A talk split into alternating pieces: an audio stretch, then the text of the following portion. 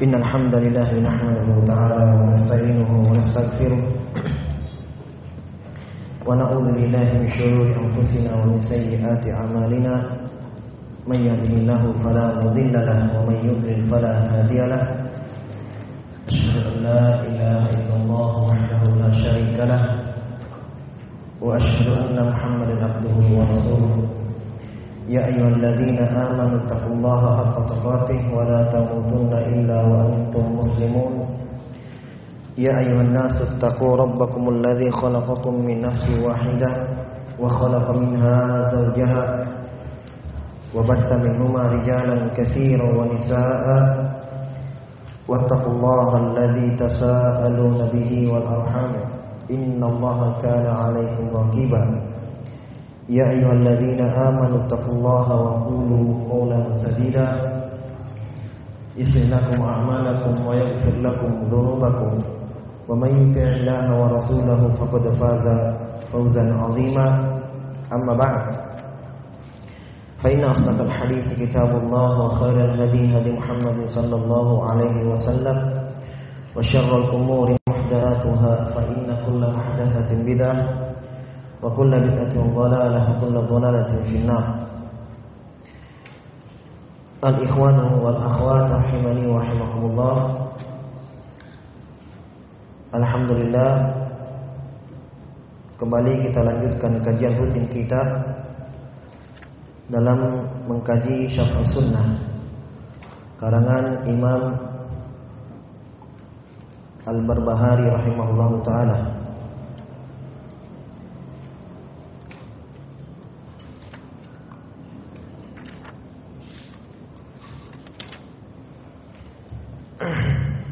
Pada pertemuan yang terakhir kita sudah mengkaji ucapan beliau rahimahullah taala tentang sunnah. Kata beliau dzalika anna sunnah wal jamaah wal ahkama amrud dini kull amrud dini kullahu wa tabayyana lin-nasi fa'ala an-nasi ittiba' bahwa pertemuan yang lalu kita mengkaji ucapan beliau rahimahullah taala. Beliau menjelaskan di mana sunnah dan Islam telah dijelaskan telah terang dan untuk manusia seluruhnya sudah jelas Beliau mengatakan fa'alan nasi ittiba. Maka manusia hanya wajib untuk mengikutinya. Hanya mengikuti. Di mana Allah Subhanahu wa taala sudah menurunkan Al-Qur'an sudah mengutus Rasul sallallahu alaihi wasallam dan sudah menjelaskan semuanya dan Allah Subhanahu wa taala berfirman dalam Al-Qur'an Al-yawma akmaltu lakum dinakum wa atmamtu 'alaikum ni'mati waraditu lakumul Islam Madinah. Kata Allah Subhanahu wa taala hari ini telah kusempurnakan untuk kalian agama kalian. Telah kusempurnakan untuk kalian agama kalian. Jadi dalam ayat yang jelas ini Allah Subhanahu wa taala sudah menjelaskan bahwa agama sudah dijelaskan. Sudah dijelaskan seluruhnya oleh Nabi sallallahu alaihi wasallam. Makanya ayat ini diturunkan ketika beliau sedang berhaji, hajatul wada' dan berkhutbah di padang Arafah, maka Allah Subhanahu wa taala ya, menurunkan ayat itu ketika beliau berkhutbah. Di hadapan manusia beliau mengatakan hal qad ballagtu? Apakah saya sudah menyampaikan semuanya? Maka para sahabat menjawab bala ya Rasulullah qad addaita wa ballagta. Engkau telah sampaikan semuanya. Engkau telah tunaikan. Nah turunlah firman Allah Subhanahu wa taala al-yauma akmaltu lakum dinakum. Hari ini telah kusempurnakan untuk kalian agama kalian. Dan saya telah cukupkan untuk kalian nikmatku dan saya telah ridho Islam sebagai agama kalian. Kemudian Imam Al-Barbahari mengurai lebih luas. Kata beliau, qala al-muallif rahimahullahu taala wa'lam rahimakallah. Ketahuilah semoga Allah merahmatimu. Perhatikan ucapannya, ketahuilah maksudnya kita yang membaca buku ini. Beliau mengatakan ketahuilah. Kalau setelah kalimat i'lam itu, setelahnya itu ucapan apa? Ucapan yang penting. Ucapan yang penting. Beliau mengatakan ketahuilah. Iya. Semoga Allah merahmatimu. Semoga Allah merahmatimu.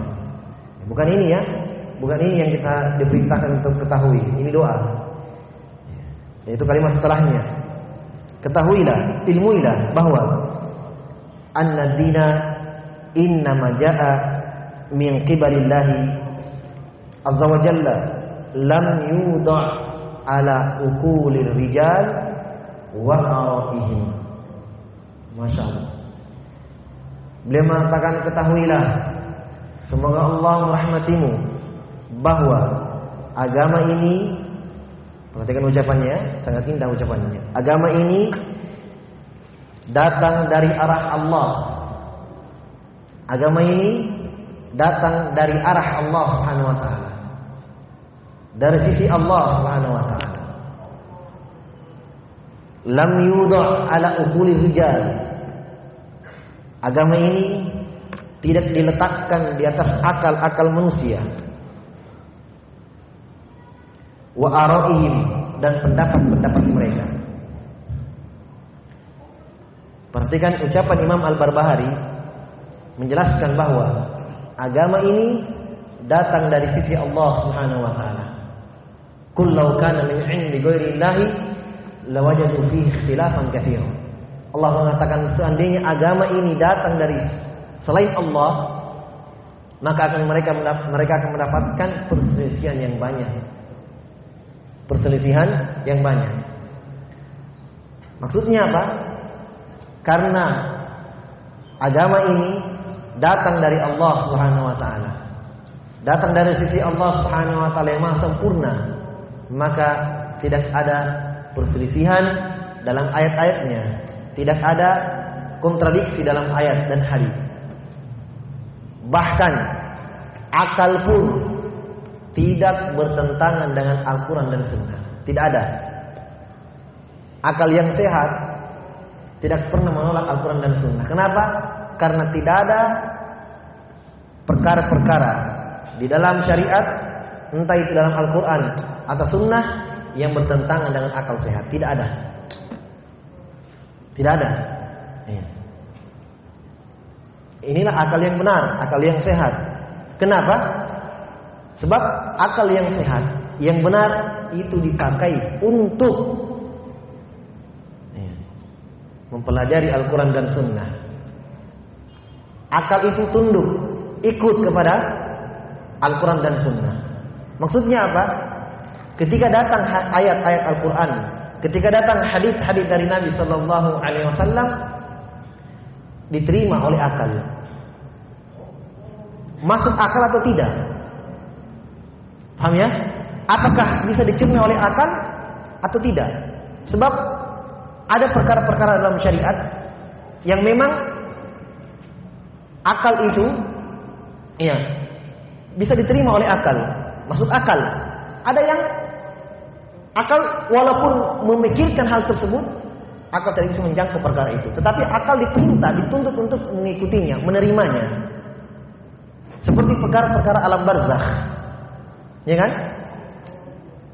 Perkara iman kepada hari kiamat. Perkara-perkara yang kita tidak bisa menjangkaunya. Bahkan dalam hadis-hadis Ibnu Qudamah dalam Lumatul I'tiqad membahas perkara ini bahwa akal itu menerima seluruh apa yang datang dari Al-Quran dan Sunnah. Seperti perkara-perkara boleh contohkan Isra dan Mi'raj. Boleh contohkan hadis Isra dan Mi'raj. Isra dan Mi'raj ini peristiwa yang dialami oleh Nabi Sallallahu Alaihi Wasallam. Ini perkara gaib, kita tidak kita tidak menyaksikannya. Ya. Nabi SAW menjangkau tempat yang tertinggi di mana tempat tersebut yang paling tinggi yang pernah dijangkau oleh manusia. Ada sebagian orang menolak perkara tersebut. Menolak perkara tersebut. Karena dengan alasan tidak masuk akal. Ada sebagian lagi dibaca dalam Al-Qur'an. Wa nad'u al-mawazin al-qista li qiyamah fala tuzlamu nafsun syai'a. Kami akan pasang timbangan pada hari kiamat, fala tuzlamu nafsun syai'a. Tidak ada yang didolimi pada hari itu sedikit pun. Wa in kana mithqala habatin min khardalin ataina biha wa kafa bina hasibin. Walaupun amalan itu sebesar biji sawi yang kecil, kata Allah kami akan datangkan amalan itu. Kami timbang semua. Dia baca Al-Quran. Ah, bagaimana mana timbangan? Perhatikan, dicerna dulu dengan akalnya. Ini cara berpikir yang seperti ini tidak diperbolehkan. Jadi dia beragama, kalau masuk akalnya dia ambil. Yang tidak masuk akalnya dia tolak. Ini akal yang seperti ini tidak sehat. Syekhul Islam Ibn Taimiyah rahimahullah membantah alul kalam di dalam bukunya Darut Ta'aruf Bainal Akli wan Naqli berjilid-jilid. Menolak pertentangan antara akal dan Al-Quran dan Sunnah. Maksudnya apa? Tidak ada dalam Al-Quran dan Sunnah perkara-perkara yang tidak masuk akal. Semua bisa diterima oleh akal. Semua. Mereka menolak sebagian hadis-hadis dari Nabi Shallallahu Alaihi Wasallam karena dengan alasan tidak masuk akal. Kamu punya akal, saya punya akal. Kalau kalian mengatakan tidak masuk akal, saya masuk akal. Saya masuk dalam akal saya. Bisa. Apa yang tidak bisa? Perhatikan termasuk makna syahadat wa anna Muhammad Rasulullah empat perkara. Tidak sempurna syahadat kita sampai kita mengimani empat perkara. Apa itu? Yang pertama, taatu fima amar. Mentaati Nabi sallallahu alaihi wasallam. Ini syahadat wa anna Muhammad Rasulullah. Ya.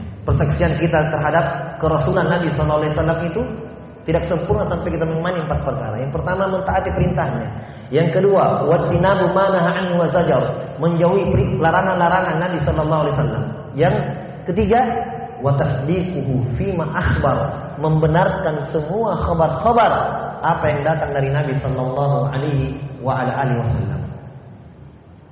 Menerima seluruh pengkhabaran dari Nabi sallallahu alaihi wasallam, entah itu bisa dicerna oleh akal atau tidak, semua diterima.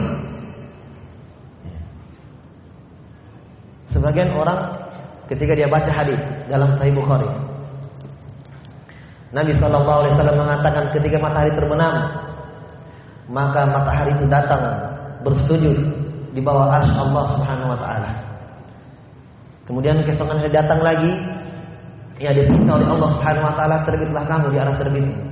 Setiap hari seperti itu. Ketika dia terbenam sujud kepada Allah Subhanahu Wa Taala sampai Allah mengatakan terbitlah kamu di arah terbenammu terjadi adalah hari kiamat. Sebagian orang ditolak hadisnya. Padahal dalam sahih. Kenapa? Tidak masuk akal. Katanya. Kalau matahari terbenam dan sujud kepada Allah, ada ada negara yang siang. Ada sebagian teman masih siang. Perhatikan. Ya. Syekh katakan di Imam Al-Barbahari, agama datang dari Allah Subhanahu wa taala. Rasulnya lam yudhu ala ukul rijal tidak diletakkan terhadap akal-akal manusia. Apa hikmah Allah untuk Rasul? Apa hikmahnya Allah turunkan Al-Quran? Kalau misalnya kita beragama berdasarkan akal saja, kalau begitu tertolak semua hikmah-hikmah Allah untuk Rasul. Hikmah yang sangat besar Allah turunkan Al-Quran. Kenapa? Karena semua manusia punya akal. Allah turunkan Al-Quran Allah turunkan Al-Quran tidak mungkin Allah Subhanahu Wa Taala membiarkan kita untuk memahami Al-Quran itu sesuai dengan pendapat kita masing-masing. Silahkan kalian sholat, silahkan caranya silahkan. Dalam Al-Quran cuma perintah umum. Wa aqimu sholat, dirikanlah sholat. Bagaimana cara sholatnya? Apakah Allah kembalikan kepada akal kita masing-masing? Silahkan kalian sholat. Bagaimanapun cara, yang penting sholat. Tidak. Allah utus Rasul sallallahu alaihi wasallam agar Allah iya agar Nabi sallallahu alaihi wasallam menjelaskan apa yang Allah inginkan dalam Al-Qur'an. Makanya dalam Al-Qur'an Allah katakan litubayyana lin-nasi ma nuzila ilaihim. Agar kamu wahai Muhammad menjelaskan apa yang Allah turunkan kepada mereka. Kamu yang jelaskan. Makanya dalam Al-Qur'an tidak ada tata cara salat secara lengkap. Cara rukunya bagaimana? Cara sujudnya bagaimana? Doa-doanya, gerakan-gerakannya dari takbir sampai salam ada dalam Al-Quran? Tidak ada. Di dalam hadis Nabi Sallallahu Alaihi Wasallam. Tata cara berhaji dalam Al-Quran cuma perintah umum. Iya. Walillahi ala nasi hijjul Untuk manusia ada kewajiban berhaji untuk Allah Subhanahu wa taala. Caranya bagaimana? Di dalam hadis. Dari perbuatan dan ucapan Nabi sallallahu alaihi wasallam, "Khudhu anni manasikakum." Ambil dari saya cara haji kalian. Itulah hikmah diutus Rasul untuk menjelaskan Al-Quran. Makanya ucapan beliau sangat benar bahwa agama ini datang dari sisi Allah Subhanahu wa taala. Ali bin Abi Thalib mengatakan dalam Sunan Abi Dawud dan selainnya dengan, dengan sanad yang bagus, dengan sanad yang sahih, Ali bin Abi Thalib mengatakan lau kana dinu birra'yi lakana asfalul khuffi aula bil mahdi min a'lahu. Laqad ra'aytu Nabiyya sallallahu alaihi wasallam masaha zahira khuffaihi. Ali bin Abi Thalib mengatakan, kalau seandainya agama ini dengan akal, ha, dengan akal-akalan, maka sepatu diusap itu bawahnya. Lebih pantas untuk diusap bawahnya daripada atasnya. Dan sungguh kata beliau, saya telah melihat Nabi Shallallahu Alaihi Wasallam mengusap di atas sepatunya. Karena yang kotor itu di bawah, yang menginjak tanah itu di bawah. Tapi Nabi Shallallahu Alaihi Wasallam mengusap di atas sepatunya. Dan ini hadisnya puluhan sahabat yang meriwayatkannya. Disepakati oleh para sahabat dan kaum muslimin bahwa disyariatkannya mengusap di atas sepatu. Tiga hari untuk musafir, satu hari untuk selain musafir. Jadi kalau antum safar pakai sepatu ya, dengan syarat ketika pakai dari rumah mau safar dengan syarat kedua kaki masuk ke dalam dalam keadaan tohara berwudu. Ketika jalan, iya mau sholat sehingga di pinggir jalan mau sholat di masjid ketika wudhu tidak perlu dilepas. Pas cuci kaki hanya bisa di atasnya. Selesai. Datang dari perbuatan Nabi dan ya, ucapannya dan amalannya sahabat.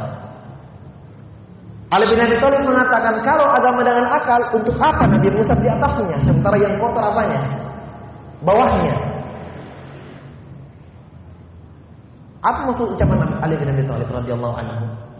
Maksudnya adalah untuk menerangkan, menegaskan bahwa betul-betul agama ini apa yang datang dari Allah Subhanahu wa taala dan Rasulnya bukan dengan akal-akalan manusia. Maka dari sini kita mengambil pelajaran bahwa amalan itu tidak diterima amalan itu sampai terpenuhi padanya dua syarat. Terpenuhi padanya dua syarat. Syarat yang pertama agar ibadah itu diterima oleh Allah adalah ketika dia lakukan ikhlas kepada Allah Subhanahu wa taala. Ikhlas kepada Allah Subhanahu wa taala, bukan karena riya, bukan karena ingin dipuji oleh manusia, Wa ma umiru illa liya'budullaha mukhlishina lahu hunafa. Mereka tidak diperintah kecuali mengikhlaskan seluruh agama ini, seluruh ibadah-ibadahnya hanya kepada Allah Subhanahu wa taala. Yang kedua, kalau sudah dia sudah ikhlas kepada Allah Subhanahu wa taala, yang kedua harus sesuai dengan contoh tuntunan dari Nabi sallallahu alaihi wa ala alihi wasallam. Kenapa? Dalam hadis Aisyah, Nabi sallallahu alaihi wasallam bersabda, "Man amil amalan laisa alaihi amruna fahuwa Siapa yang beramal yang tidak ada contoh dari kami kata Nabi sallallahu alaihi wasallam Tertolak amalannya. Menunjukkan kepada kita ikhlas sekalian bahwa tidak semua orang yang beramal itu diterima amalannya. Ya kan? Tidak semua orang beramal diterima amalannya. Ada yang tertolak amalannya. Dalam Al-Quran Allah jelaskan wa qadimna ila ma amilu min amali faj'alnahu haba'an mansura. Kami datangkan amalan mereka pada hari kiamat, menunjukkan mereka beramal di dunia. Kami datangkan pada hari kiamat amalan-amalan itu, kata Allah, faj'alnahu haba'an mansura. Kami jadikan amalannya debu yang berterbangan. Di dalam Al-Qur'an dijelas, dijelaskan dalam surah Al-Furqan. Dalam surah Al-Furqan. Ya, maka ini penegasan dari Imam Al-Barbahari menjelaskan bahwa agama bukan dengan akal-akal manusia dan pendapat-pendapat mereka. Wa ilmuhu indallahi wa inda rasuli. Ilmunya berada di sisi Allah Subhanahu wa taala dan di sisi Rasul sallallahu alaihi wa ala alihi wasallam. Ya. Fala tattabi' syai'an bihawak. Dia katakan jangan engkau mengikuti Ya, sedikit pun dari perkara-perkara tersebut dengan hawa nafsu. Dengan hawa nafsu. Tetapi mengikuti Al-Quran dan Sunnah dari Nabi Sallallahu Alaihi Wasallam. Jadi bukan dengan hawa nafsu, bukan dengan ya keinginan-keinginan semata, bukan dengan istihsanat atau istihsanat, Hah? dianggap baik. Nah, ini kan bagus. Iya. Ini kan zikir. Ini kan doa. Ini kan ibadah. Iya. Bukan. Sebab tidak semua yang dianggap baik itu baik di syariat. Kan begitu. Tidak semua yang kita anggap baik itu baik di syariat. Kapan baik dianggap di syariat? Ketika sesuai dengan tentu tuntunan Nabi Sallallahu Alaihi Wasallam. Makanya dalam Al-Quran Allah jelaskan, Inna ja'alna ma 'alal ardi zinatan laha linabluwahum ayyuhum ahsanu amala. Kata Allah kami jadikan di atas bumi itu perhiasan, zina, perhiasan. Jadi hiasi dengan gunungnya, dengan hijaunya, pemandangannya, lautnya. Untuk apa? Lina beluahu ayyuhum ahsanu amala.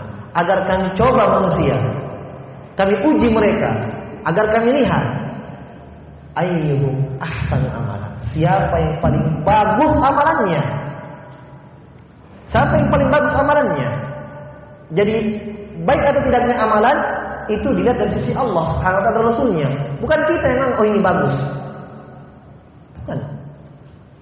Ahsan amalan maksudnya Imam Fudail bin Iyad mengatakan ahsan amala ay akhlasuhu wa aswabuhu. Yang paling ikhlasnya dan yang paling benar dengan tuntunan Nabi-Nya sallallahu alaihi wasallam. Itu baru ahsan amal. Amalan yang paling bagus.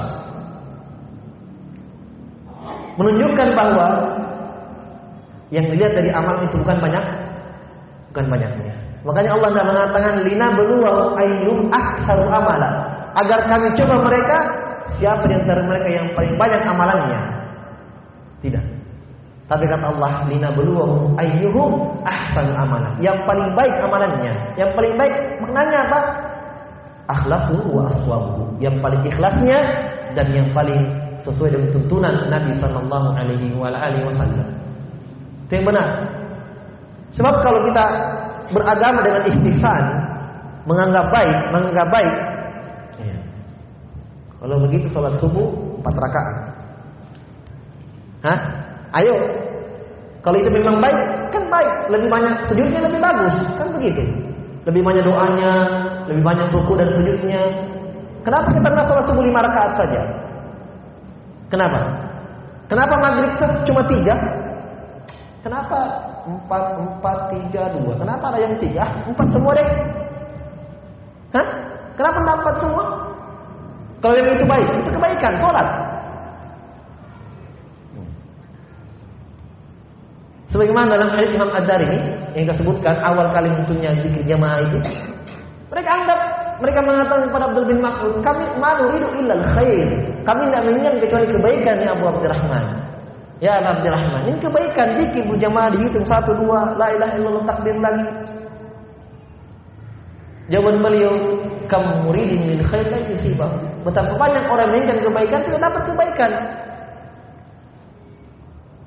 Mereka iya, sebagaimana dalam asar dari Muhammad bin Sirin dan selain sebagian tabi'in. Ya. Ada orang yang sholat atau melakukan amalan tidak sesuai dengan tuntunan Nabi Sallallahu Alaihi Wasallam. Maka Muhammad bin Sirin mengatakan dia akan mendapatkan siksaan Allah Subhanahu Wa Taala. Orang ini mengatakan kenapa? Maka Muhammad bin mengatakan kamu disiksa bukan karena kamu sholat, kamu disiksa bukan karena kamu melakukan ibadah tidak. Kamu disiksa karena penyelisihan terhadap sunnah Rasul Sallallahu Alaihi Wasallam. Nah, di sini kembali lagi bahwa pentingnya kita mempelajari agama Allah Subhanahu Wa Taala terus, ya. menambah ilmu agama kita agar jelas semuanya. Kita ketahui sunnah dari Nabi SAW ini bukan Kata Allah dalam Al-Quran wa kadzalika nufassilu ayati walitastabina sabilul mujrimin. Demikianlah kami jelaskan ayat-ayat itu agar nampak, agar terang ya, jalan-jalannya orang-orang yang mujrim. Kata beliau fala tattabi' syai'an bihawaka fatamarruq min ad-din. Jangan kamu ikuti sesuatu sedikit saja dari hawa nafsu. Ya. Tapi ikutilah Al-Quran dan Sunnah Nabi Sallallahu Alaihi Wasallam.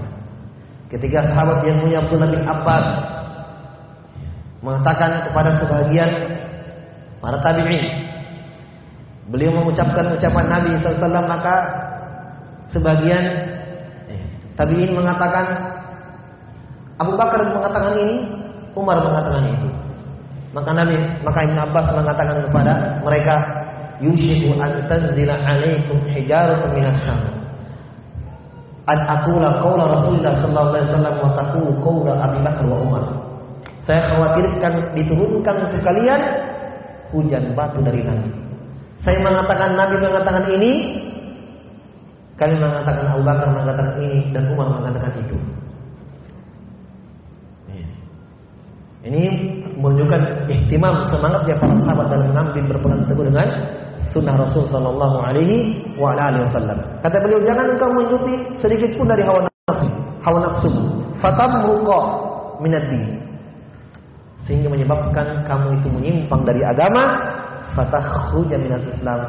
Kamu keluar dari Islam. Hah? Oh, berarti menulis, menulis melakukan bid'ah masuk dalam Islam? Tidak seperti itu, bukan itu maksudnya. Kata beliau, janganlah kamu mengikuti hawa nafsumu, sedikit pun. Hendaknya kamu mengikuti Al-Quran dan Sunnah Rasul Sallallahu Alaihi Wasallam. Kalau kamu mengikuti hawa nafsu, keinginan-keinginan manusia, fatam minad din, engkau keluar dari agama. Engkau menyimpang dari agama, fatahul dari Islam, engkau keluar dari Islam. Karena sebelumnya boleh sebutkan sunnah dan Islam, Islam adalah sunnah. Tetapi bukan tidak semua orang yang melakukan perbuatan-perbuatan yang menyisihi sunnah Nabi Sallallahu Alaihi Wasallam langsung keluar dari agama tidak. Di sini belum disyaratkan, hanya ucapan beliau perlu dirinci, perlu dijelaskan rinciannya. Sebab perkara-perkara yang diada-adakan di dalam agama, perkara-perkara bid'ah itu, itu ada mengeluarkan pelakunya dari Islam dan ada yang tidak mengeluarkan pelakunya dari Islam. Hanya beliau di sini umum ucapannya. Ini harus dijelaskan. Jelas ya? Perkara yang diada-adakan, perkara bid'ah itu muhdatsat. Perkara yang tidak ada contoh dari Nabi sallallahu alaihi wasallam itu secara umum terbagi dua. Ada bentuknya i'tiqad, keyakinan dan ada bentuknya amali. Amali. Iya. Ada bentuknya keyakinan, ini bid'ah juga dan ada bentuknya amali. Bentuknya amalan. Sebab kalau dilihat dari sunnah yang datang dari Nabi Wasallam itu seperti itu juga. Ada yang Nabi ajarkan terhadap para sahabat itu bentuknya perkara akidah, ya kan? Dan ada yang Nabi ajarkan kepada para sahabat bentuknya apa? Bentuknya amalan, sholat, puasa, haji. Dan ada yang Nabi ajarkan kepada para sahabat bentuknya perkara-perkara etikal, akidah. Saya contohkan, Ketika Nabi Shallallahu Alaihi Wasallam sedang duduk malam di malam hari malam 14 bulan purnama, Dari hadis Jarir bin Abdullah Al-Bajali. Kemudian tiba-tiba Nabi melihat ke bulan purnama tersebut. Maka Nabi mengatakan kepada para sahabat, "Innakum sataruna rabbakum kama tarawna hadzal qamar, la tudammuna fi ru'yatihi." Faman istata'tum fa in alla tughlabu ala salatin qabla tulu'i syamsi wa qabla al-ghurub faf'alu. Nabi mengatakan tiba-tiba di hadapan para sahabat, demi Allah kalian akan melihat Allah pada hari kiamat sebagaimana kalian melihat bulan purnama ini. Ini yang Nabi ajarkan kepada para sahabat. Dalam hadis yang lain Nabi mengatakan yang Rabbuna tabarak wa ta'ala ila samai dunia. Roh kami turun di langit dunia kullu lail fi kulli setiap malam hina yabqa thuluthul lail akhir tatkala tersisa sepertiga malam terakhir. Ini perkara apa yang diajarkan? Hah? Perkara akidah. Ini i'tiqad. Nah, dari sini kita bisa mengambil dua pelajaran. Yang pertama, berarti kalau ada orang yang berakidah tidak seperti keyakinan Nabi dan para sahabat, ini termasuk dia berbuat bid'ah. Bid'ah i'tiqad. Bid'ah dalam keyakinan. Seperti dia meyakini Allah Subhanahu wa taala berada di semua tempat. Allah Subhanahu wa taala berada di semua tempat, di mana-mana. Hah? Sekarang apakah Nabi pernah mengajarkan sahabat perkara ini? Nabi pernah mengajarkan sahabat perkara ini? Tidak. Kalau dia meyakini ini, berarti dia menganggap ini dari agama. Dari agama. Dan insya Allah ini akan ada pembahasannya dalam nama-nama dan sifat Allah Subhanahu Wa Taala akan ada pembahasannya. Tetapi ini sebagai pencontohan saja bahwa Nabi Shallallahu Alaihi Wasallam juga mengajarkan secara etikot bahkan ini adalah perkara yang paling penting diajarkan oleh para sahabat. Berarti kalau ada yang meyakini keyakinan-keyakinan yang tidak pernah diyakini oleh Nabi Shallallahu Alaihi Wasallam para sahabatnya, maka dia telah berbuat apa? Berbuat bid'ah. Bid'ah dalam hal etikot keyakinan. Sebab yang ada contoh dari Nabi, ajaran Nabi kepada para sahabat dan ini keyakinan sahabat bahwa Allah Subhanahu wa taala di atas, pada semua tempat. Bahkan ini Nabi SAW menganggap ini adalah syarat keimanan. Sebagaimana dalam hadis Muawiyah bin Hakam As-Sulami. Beliau punya budak perempuan. Ya. Punya budak perempuan dipukul. Budak perempuan ini datang kepada Nabi Sallallahu Alaihi Wasallam melapor, mengeluh. Muawiyah juga dipanggil sini.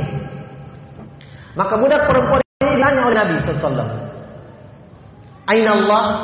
Di mana Allah? Waman ana? Ditanya Aina Allah? Dia menjawab di sama di atas langit. Waman ana? Siapa saya? Anta Rasulullah. Engkau adalah Rasul Allah Subhanahu wa taala. Nabi mengatakan kepada Muawiyah, "Iktikha fa innahu mu'minah." Merdekakan dia karena dia adalah wanita yang beriman. Imam Syafi'i mengatakan rahimahullah berdasarkan hadis ini bahwa syarat keimanan adalah meyakini Allah Subhanahu taala di atas. Karena ketika jawabannya benar, Nabi gandengkan lagi dengan pertanyaan apa? Dengan pertanyaan tentang kenabian, kerasulan. Beliau sallallahu alaihi wasallam disamakan di mana Allah siapa saya. Imam Syafi'i mengatakan berarti orang yang mengingkari Allah Subhanahu wa taala berada di atas berarti tidak beriman kepada Allah Subhanahu wa taala. Nah, ini perkara akidah.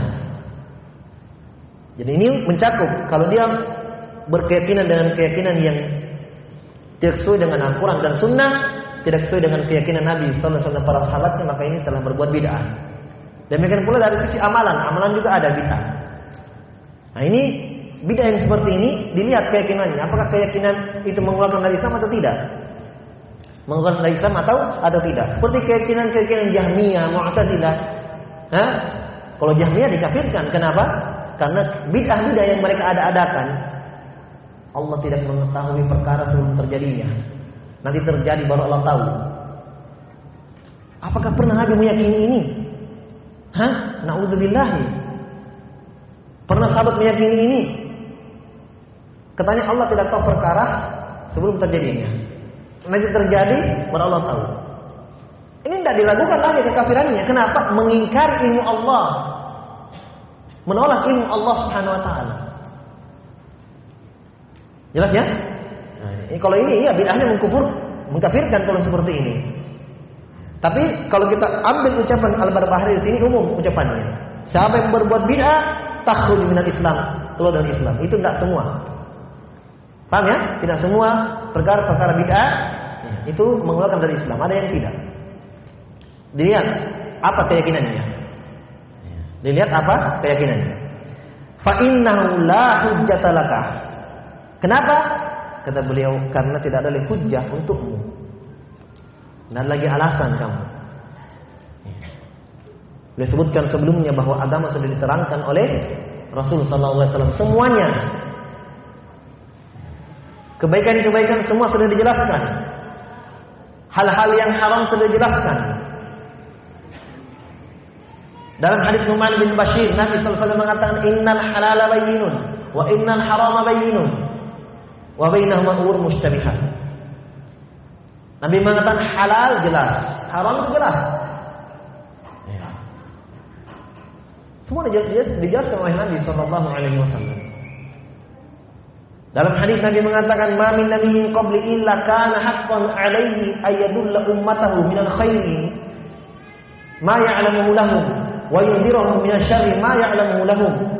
Nabi mengatakan tidak ada nabi sebelum saya kecuali pasti wajib untuknya menjelaskan kebaikan apa yang dia tahu untuk umatnya dan menjelaskan semua perkara-perkara yang terlarang untuk umatnya apa yang dia tahu untuk untuk umatnya.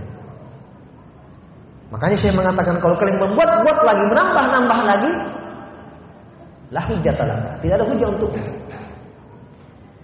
Dalam Al-Quran Allah katakan, Am lahum syuraka usyara'u lahum minad din malam ya'zam bihillah. Apakah mereka punya tandingan syuraka? Tandingan. Bagaimana bentuk tandingannya? Syara'u lahum minad Mereka membuat buat syariat dalam agama malam ya'zam bihillah. Apa yang Allah tidak izinkan. Dari hadis ini para ulama fikih mengambil hukum, mengambil kaidah bahwa asal perkara dalam syariat hukumnya haram asal perkara dalam agama hukumnya haram, tidak boleh, tidak diizinkan oleh Allah. Sampai ada dalil dalam Al-Quran atau Sunnah Nabi Sallallahu Alaihi Wasallam yang menjelaskan itu syariat atau tidak. Itu syariat, itu sunnah. Tapi kalau tidak ada, maka kembali ke asalnya, haram. Berbeda dengan perkara-perkara dunia. Kalau perkara-perkara dunia iya, asalnya boleh, asalnya halal. Kecuali ada dalil yang menegaskan itu hak, haram. Dalam Al-Quran Allah jelaskan, "Huwallazi khalaqalakum ma fil ardi jami'an." Dialah Allah yang menciptakan untuk kalian di bumi ini untuk kalian manfaatkan. Semua halal, semua najis, semua suci tidak najis. Bisa dipakai. Ya, ini ya, tidak najis, suci, semua suci. Baju, air, batu semuanya. Kecuali ada yang mengatakan dia ada najisnya. Kalau perkara-perkara dunia boleh silahkan. Kata Nabi SAW, antum a'lam bi duniakum. Kalian lebih tahu tentang perkara-perkara dunia kalian silahkan. Mau pakai handphone, mau pakai mobil motor terbang, semua silahkan, terserah kalian. Hah? Mubah asalnya. Asalnya perkara-perkara itu mubah. Tidak mubah maksudnya apa? Tidak berkaitan dengan tidak berkaitan dengan perintah dan larangan. Di tengah dia. Tergantung wasilahnya. Tergantung untuk apa dipakai perkara mubah ini. Kalau dipakai dalam ketaatan, ibadah. Kalau dia menjadi perantara keharaman, haram. Tapi asalnya silahkan. Ya, mubah. Tapi dalam perkara syariat, dalam perkara ibadah asalnya tidak boleh dulu. Kenapa? Dalam ayat yang saya baca tadi. Kata Allah, syuraka. Apakah mereka memiliki tandingan? Apa tandingannya? Tandingan Allah? Syara'u lahum minad mereka membuat syariat syariat dalam agama malam ya'zam billah. Apa-apa yang Allah tidak inginkan. Maksudnya apa? Yang mana yang Allah izinkan yang mana tidak? Nah yang mana yang Allah izinkan yang mana tidak? Yang Allah izinkan apa yang datang dalam Al-Quran dan Sunnah itu Allah izinkan. Selain itu malam ya'zam billah. Allah tidak izinkan itu. Tidak boleh. Haram. Makanya kalau antum ditanya jangan bingung Antum jelaskan kepada orang, ya, akhi itu nggak bisa itu, itu nggak boleh, nggak dalilnya. Antum kadang teman ditanya, kamu mengatakan tidak boleh, mana dalil mengatakan tidak boleh? Dalilnya adalah karena tidak dalilnya. Itu saya, saya antum. Itu namanya istishab. Istishabul asal. Mengembalikan sesuatu pada asalnya. Itu dalil. Karena saya tanya, ini najis atau tidak? Hah? Apa yang mengatakan tidak? Apa yang mengatakan tidak? Ini tidak najis. Apa dalil mengatakan tidak najis? Karena kembali kepada asalnya, asalnya suci. Itulah dalilnya. Paham? Itulah dalilnya. Yang mengatakan najis, mana dalil mengatakan najis? Kamu lihat ada yang kencing Kamu lihat? Tidak ada, karena asalnya adalah suci. Ini istishab namanya, dalil. Dalam Al-Quran, huwa alladhi khalaqalakum ma fil ardi jami'an. Dialah Allah menciptakan untuk kalian di bumi ini kalian pakai, silahkan. Dalam perkara agama tidak asalnya tidak boleh dulu. Makanya kalau ada yang mengada-adakan di dalam agama tanya. Dalilnya mana? Kalau tidak ada, malam ya dalam bihillah. Allah tidak izinkan itu karena syariat sudah ada. Berarti di luar itu Allah tidak izinkan. Di luar itu tandingan sering Allah Subhanahu wa taala. Syariat yang dibuat-buat. Antum ditanya, mana yang tidak boleh? Apa di? Tidak pusing dia. Jawab karena tidak ada dalil itulah dalil. Namanya istishabul asal, mengembalikan kepada asalnya. Kadang kita ini mereka yang sedikit-sedikit tidak boleh, sedikit-sedikit tidak boleh. Kalau begitu sudah, kamu paling jadi nabi. Ya kan? Kita jelaskan kebenaran dituduh sedikit-sedikit tidak boleh, sedikit-sedikit tidak boleh. Terus apa gunanya Nabi diutus kalau begitu? Kalau semua silahkan terserah kita. Kadang saya bingung juga. Dijelaskan kebaikan. Eh. Apakah Nabi tidak pernah menegur sahabatnya kalau keliru? Nabi biarkan. Apakah Nabi karena sedikit-sedikit Nabi sedikit-sedikit sahabat salah, sedikit-sedikit sahabat salah. Muat bin Jabal dimarahi oleh Nabi, dikerasi oleh Nabi alaihi wasallam. Beliau mengimami orang panjang sekali.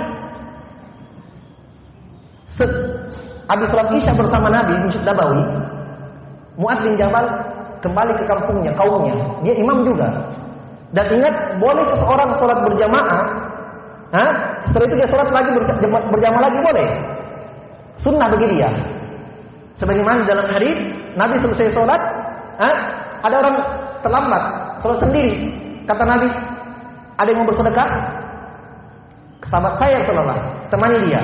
Sunnah bagi kamu, wajib bagi dia. Ah ini buat bin Jabal, sholat di belakang Nabi panjang sekali Nabi. Bahkan dalam satu rakaat dalam riwayat Al-Baqarah selesai.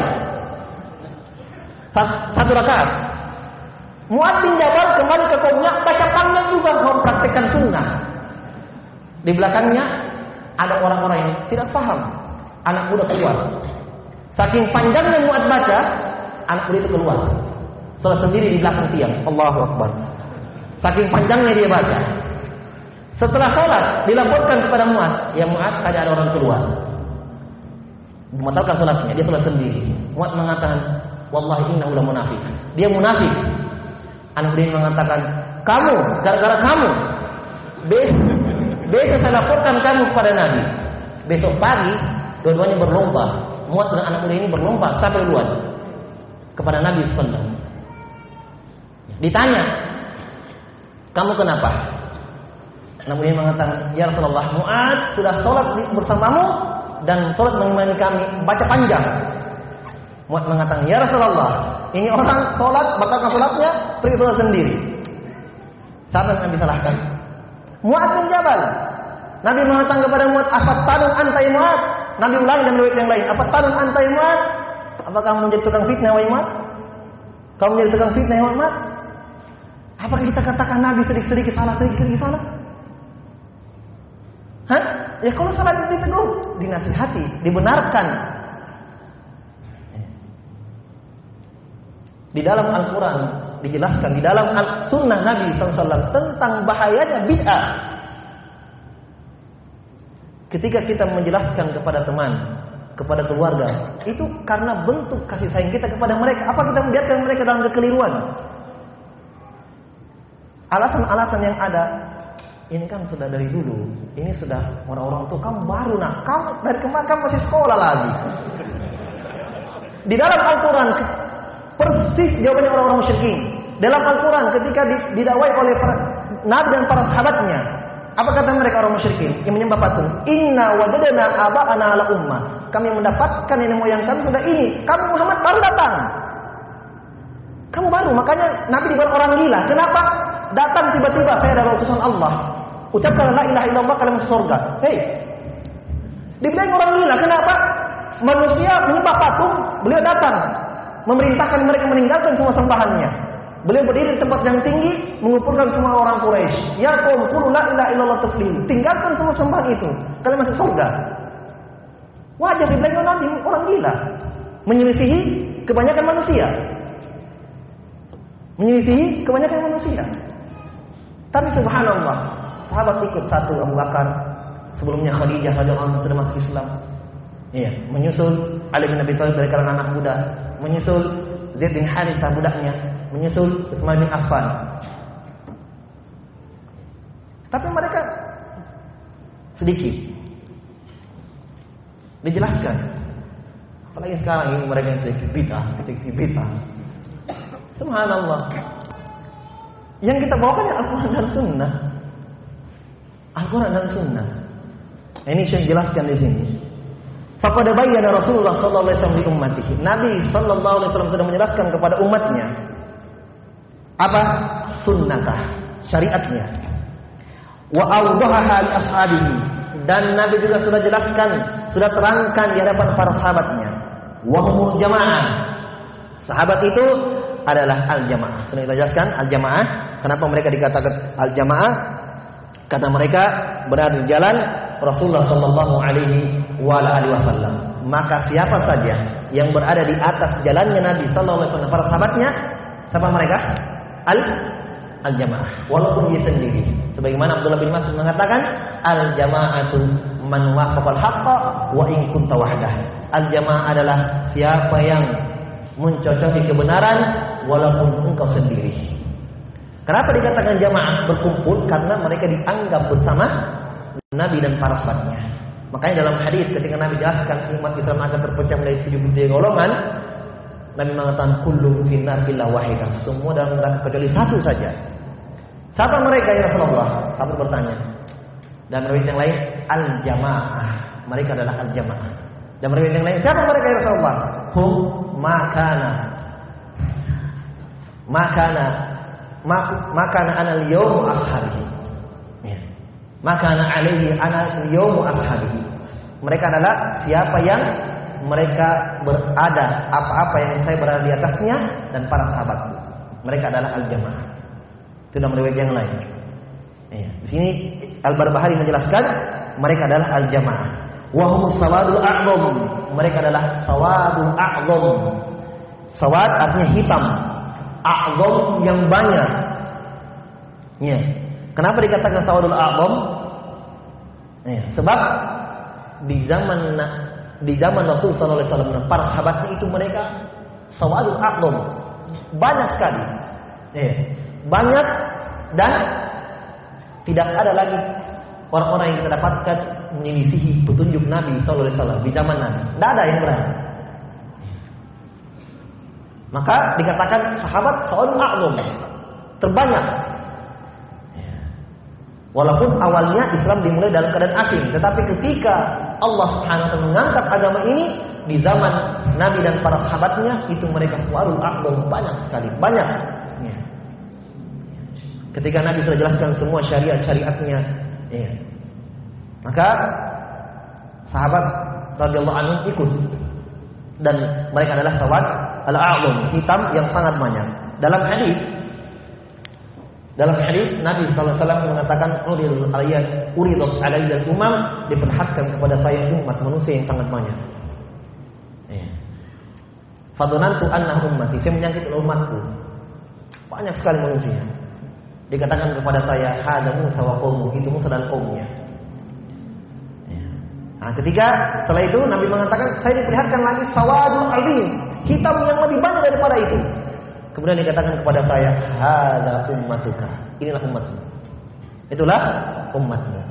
Nah, sudah dijelaskanlah di antara sekian banyak umatmu itu di antara mereka ada yang 70 ribu orang masuk surga yadkhulunal jannah bighairi adzabin wala hisab tanpa azab dan tanpa hisab. Nah, jadi di sini mereka eh, beliau mengatakan al jamaah mereka adalah sawadul a'dham. Wa sawadul a'dham yang hitam yang banyak ini jumlahnya ya, al haqqu wa ahluhu. Mereka adalah ahlul haq. Ya, orang-orang berada di atas jalan kebenaran. Faman khalafa ashab Rasulullah sallallahu alaihi wasallam siapa yang menyelisihi sahabat Nabi sallallahu alaihi wasallam fi syai'in min amri dalam perkara-perkara agama faqad kafar maka dia telah kafir. Dia telah kafir. Ya, ini ucapannya beliau rahimahullah taala. Ya, ya, tidak berlaku secara mutlak. Ya, tidak semua orang-orang menyelisihi petunjuk Nabi, petunjuk sahabat itu kafir tidak. Ya. Tapi kita katakan bahwa ada bentuk penyelisihan yang bentuknya kufur. Ya kan? Jadi semua hal-hal yang haram, maksiat, dosa, kesyirikan, itu semua kita bisa pastikan bahwa ini penyelisih, penyelisihan. Jadi semua hal-hal yang haram itu bentuknya penyelisihan terhadap sunnah. Pasti itu. Kenapa? Ketika mereka melakukan yang haram, sementara sunnah memerintahkan untuk meninggal, meninggalkan itu. Ketika mereka langgar itu, mereka lakukan perintah itu, mereka lakukan larangan itu berarti mereka dianggap menyelisih sun, sunnah. Kan begitu?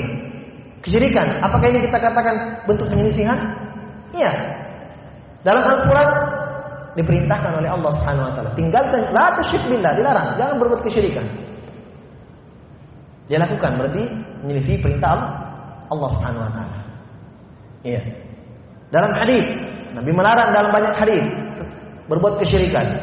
Iya, berbuat gulu kepada beliau. Ketika ada orang melakukannya, apakah kita katakan ini penyelisihan terhadap sunnah? Iya, penyelisihan terhadap sunnah. Nah, kita lihat penyelisihan ini, apakah semua itu mengeluarkan dari Islam? Tidak. Jelas ya? Wallahu alam apa maksud beliau di sini? Mungkin yang beliau maksud adalah perkara-perkara yang bentuknya penyelisihan terhadap sunnah Nabi SAW yang bentuknya kekufuran seperti kesyirikan, iya kesyirikan, iya mencela Nabi, mencela sahabat, ini kekufuran, iya.